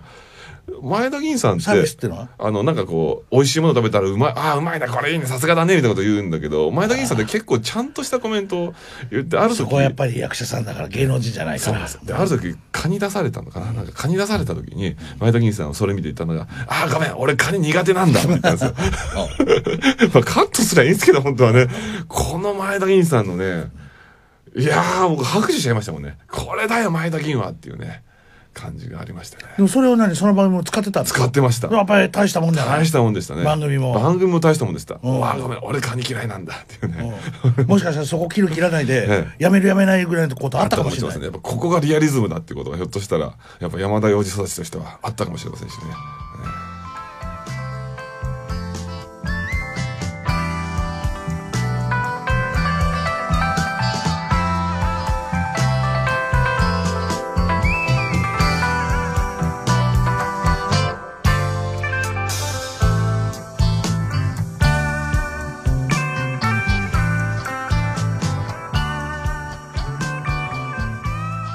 パルスタジオから春日太一ですを終わります。また次回をお楽しみに。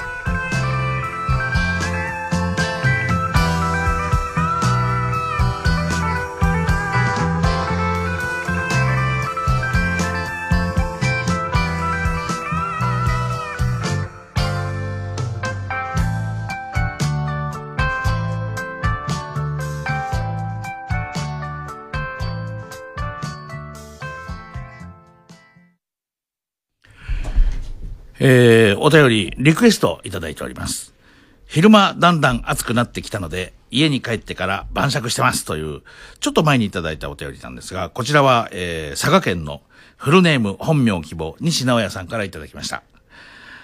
えー、もともと飲み会でしかお酒を飲まないので、飲み会がないこの数ヶ月は全く飲酒しておらず、ストロングゼロが染み渡っておりますよ。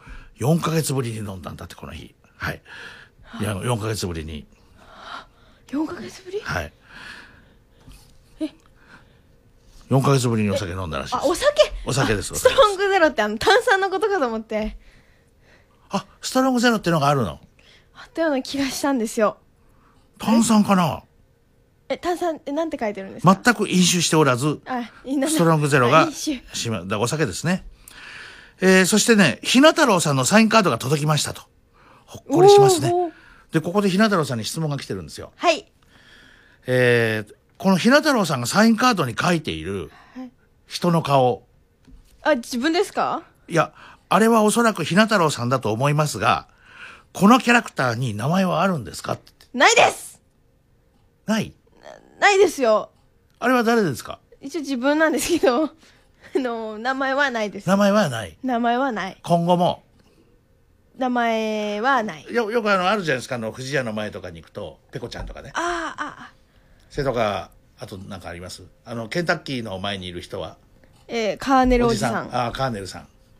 カーネルさんね。カーネルさんだと思います。そしてあの、ビッグボーイの前にいる人は、いやー何でしたっけあれ。こんな感じの子ですよね。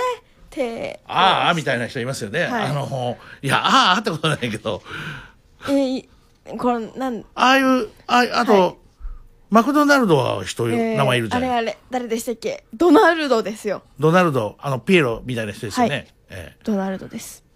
あのーああいう風に名前があった方が呼びやすいんじゃない？ああ何にしようかな。もうちょっと考えておいてみてください。まあ、ひな太郎でいいんですか？いやそれはそれで面白くないんではい。やめます。わかりました。えー、それではですね、こちらの、えー、浜崎あゆみさんの曲を、浜崎ですよねはいはい。あの、浜崎あゆみさんのリクエストをいただきました。えー、フルネーム本名希望西成さんのリクエストで、M。マリア愛すべき人がいて傷を負ったすべての者たち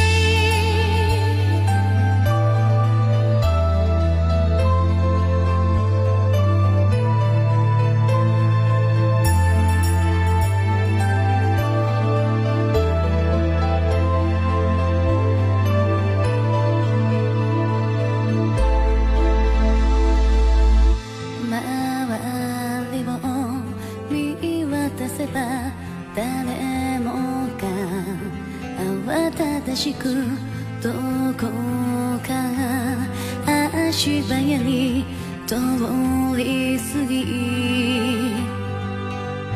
今年も気がつけばこんなにすぐそばまで冬の気配が訪れてた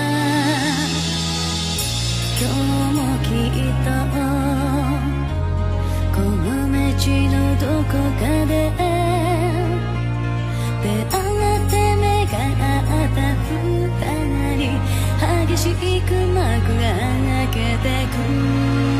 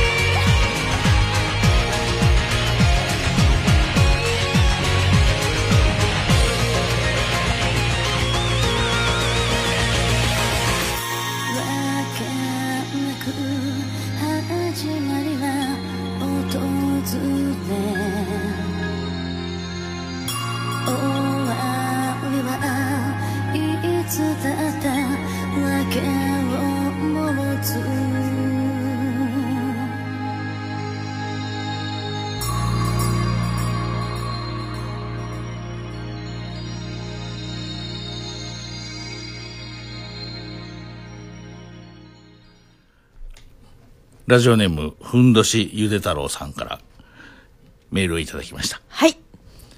杉作さん、ひな太郎さん、こんばんは。こんばんは。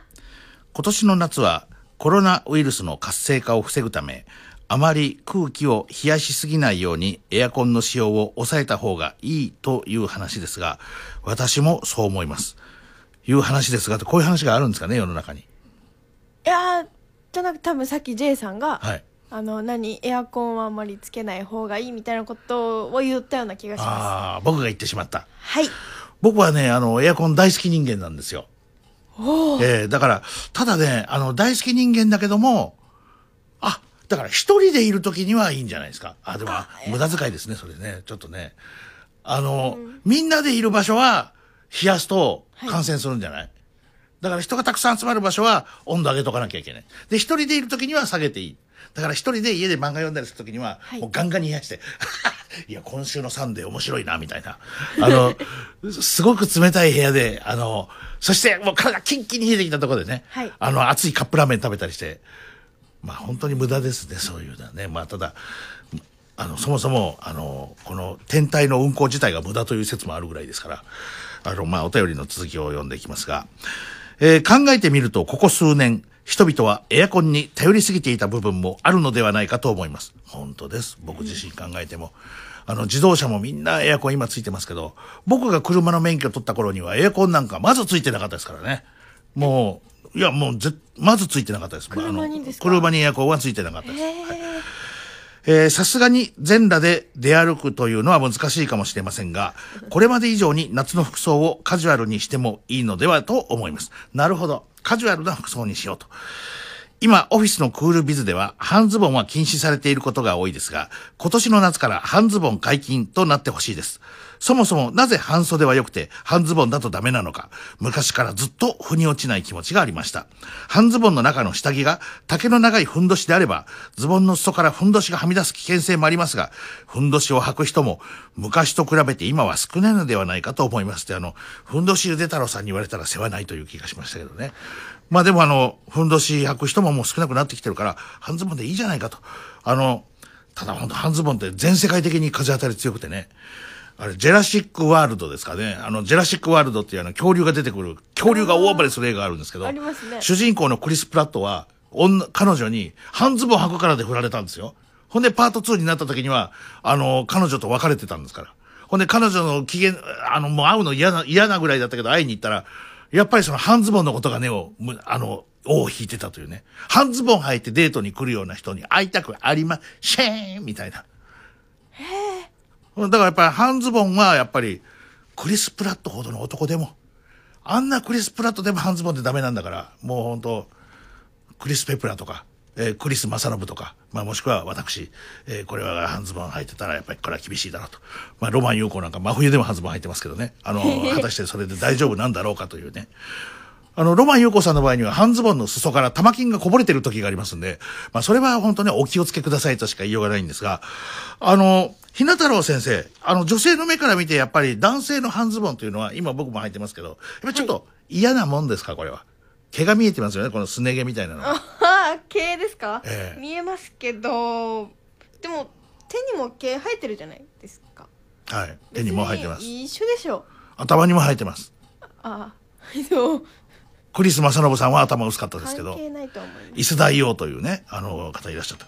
さあ、お別れの曲になります。今日お別れの曲は、ヒカシュでガラスのダンス。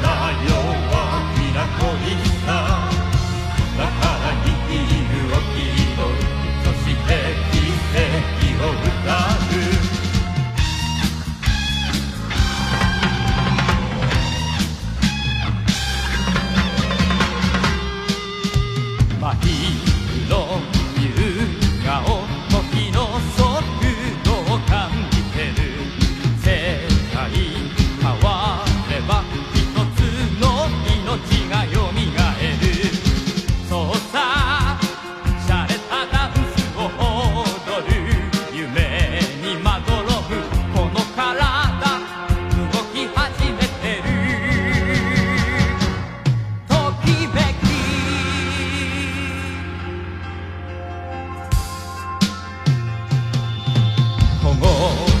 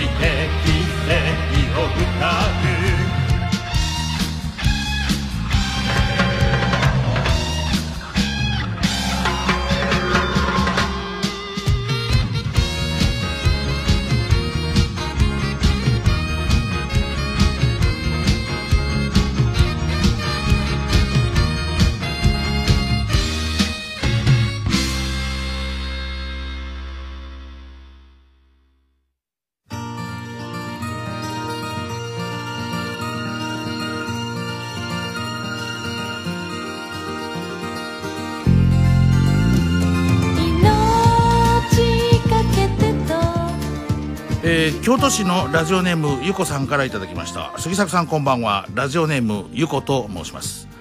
皆様の大切な場に思いを馳せる今晩の放送これ昨日の津田演騒動の放送ですね。はい。はい。ありがとうについてですがこれ昨日のメールテーマがありがとうだったんです。私は声優さんにありがとうと伝えたいです。アクティブでもポジティブでもない私は一人で遊ぶことも苦手でしたそんな幼少期だったのですがほんの少しだけアニメに興味を持つことができました。アニメ雑誌を片手にいろいろとアニメを視聴。そこには様々なキャラクターが暮らしていました。えーアニメ雑誌を片手にあ失礼しました。同じ行を読んでしまいました。彼らの個性を必死に追いかける毎日。このキャラクター誰々さんに似てると楽しんでいる私がいました。例えば友達からもらいたかった言葉それらをキャラクターたちが語り合っているのですそうキャラクターがねあの自分が欲しかった言葉を言ってくれる背筋伸びてるじゃないかみたいな言ってくれるわけです足りなーみたいな。はい。私を励ましたり、慰めたりするそんなセリフを声優さんは大切に扱ってくれました。何度救われたことか。当時、声優さんが担当なさるアニラジという番組も流行していました。今、ラジオが大好きなのは、当時の幸せな思い出によるものだと思っていますと、ゆこさんからいただきました。そうですね。あの、やっぱりあの、声優さんの声って、あの、本当ね、声がね、明るいんですよ。なんとなくわかります？ひな太郎さん。声がね、人前に出てくると、例えばテレビ画面に出てくると明るくなるタイプの人っているんですけど、声優さんって声がもう明るいんですよ。あの、明るいっていうかね、なん、なんていうんですかね、こう、声が、き声聞いただけでワクワクするような声がある。なるほど。ひな太郎さんはあの好きな声優の声とかありません？好きな声優の声。はい。あえっとこんばんは、藤原啓治です、みたいな。まあ僕で言うところの。なるほど、まあうん、声優さんの名前とかはわからないですけど、はい。このキャラクターの声は好きだなとかいうのはありますよ。でもそれモノマネしたりもしていた。しますね。まあ最近でもね、あの、三石さんのモノマネとかチャレンジ随分してましたけど、はい。ハロとか、ちょっとハロやってもらっていいですか？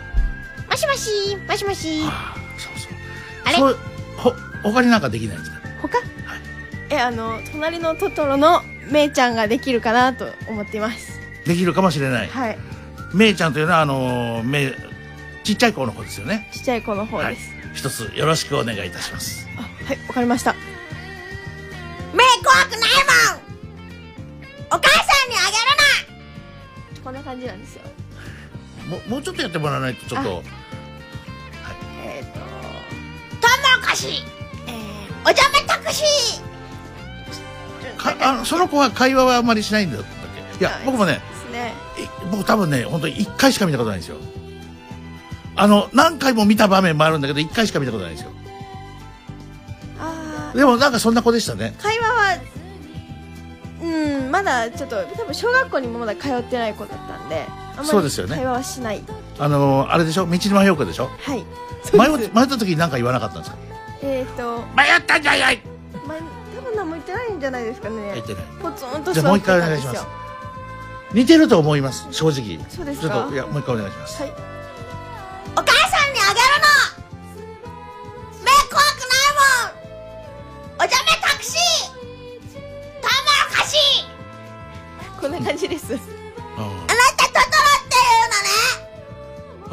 ああ、トトロにね。いうのねトトロって言うんですよ。あお父さんお花屋さんね。あ、なんか調子出てきたんじゃない？思い出してきました。ああどんどんどんどん。まあ、えっ、と。あの、やはりそういうように、あの、こちら、ゆこさんもね、あの、ありがとうって。やっぱじゃあやっぱりひな太郎さんも、それいつぐらいから真似して喋ってたの？それって。えなんかあのある何気づいて子たら。供の頃ですか？そうですね。子供の頃から気に入ったアニメは自分で喋ってましたで、やっぱりそれで、そうやって喋ることによって、明るくなれたんじゃない？ああそうですね。友達とかに見せるとあの二人で明るくなってました。だから、あの、ぜひ、ゆこさんと一緒でさ、ありがとうって感じじゃない？ありがとう、それで言ったらどうなるんですか？ありがとう？もうあめいちゃんで、え。ありがとう！こんなんですかね。なかなか、なかなかだったんじゃないですか。はい。えー明日もこの放送ありますが、えー一つよろしくお願いいたします。お願いします。ちょっとね、昨日僕はあの、やっぱりあの、店頭でねずっとあの声張って喋ってたんでちょっと若干声が枯れてましたけど明日には回復してると思います。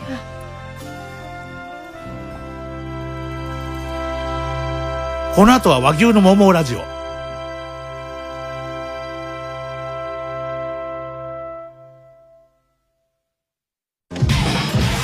セブンの知念優里です。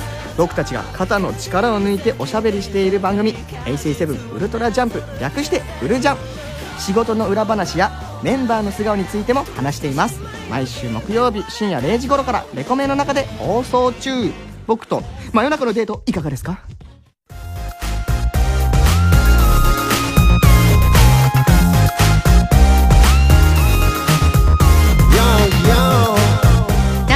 送ラジオ今週の一曲です。ダンスマン君のことだけは忘れられない。パスワードまたお忘れですか？忘れるたびにちょっとずつ変えて。パスワードお忘れですかって。また文字が出てくるパソコンスマホに何度も何度も。そりゃセキュリティは上がるわ。自分が入れないんだもん。参ったわ。毎回メモってるわ。番号はどこにメモったんだっけ。でも君のことだけは忘れられないよ。いつもいつも、oh 君のことだけは忘れられないよ。いつもどんな時も頭の中がで溢れてこぼれそう最高です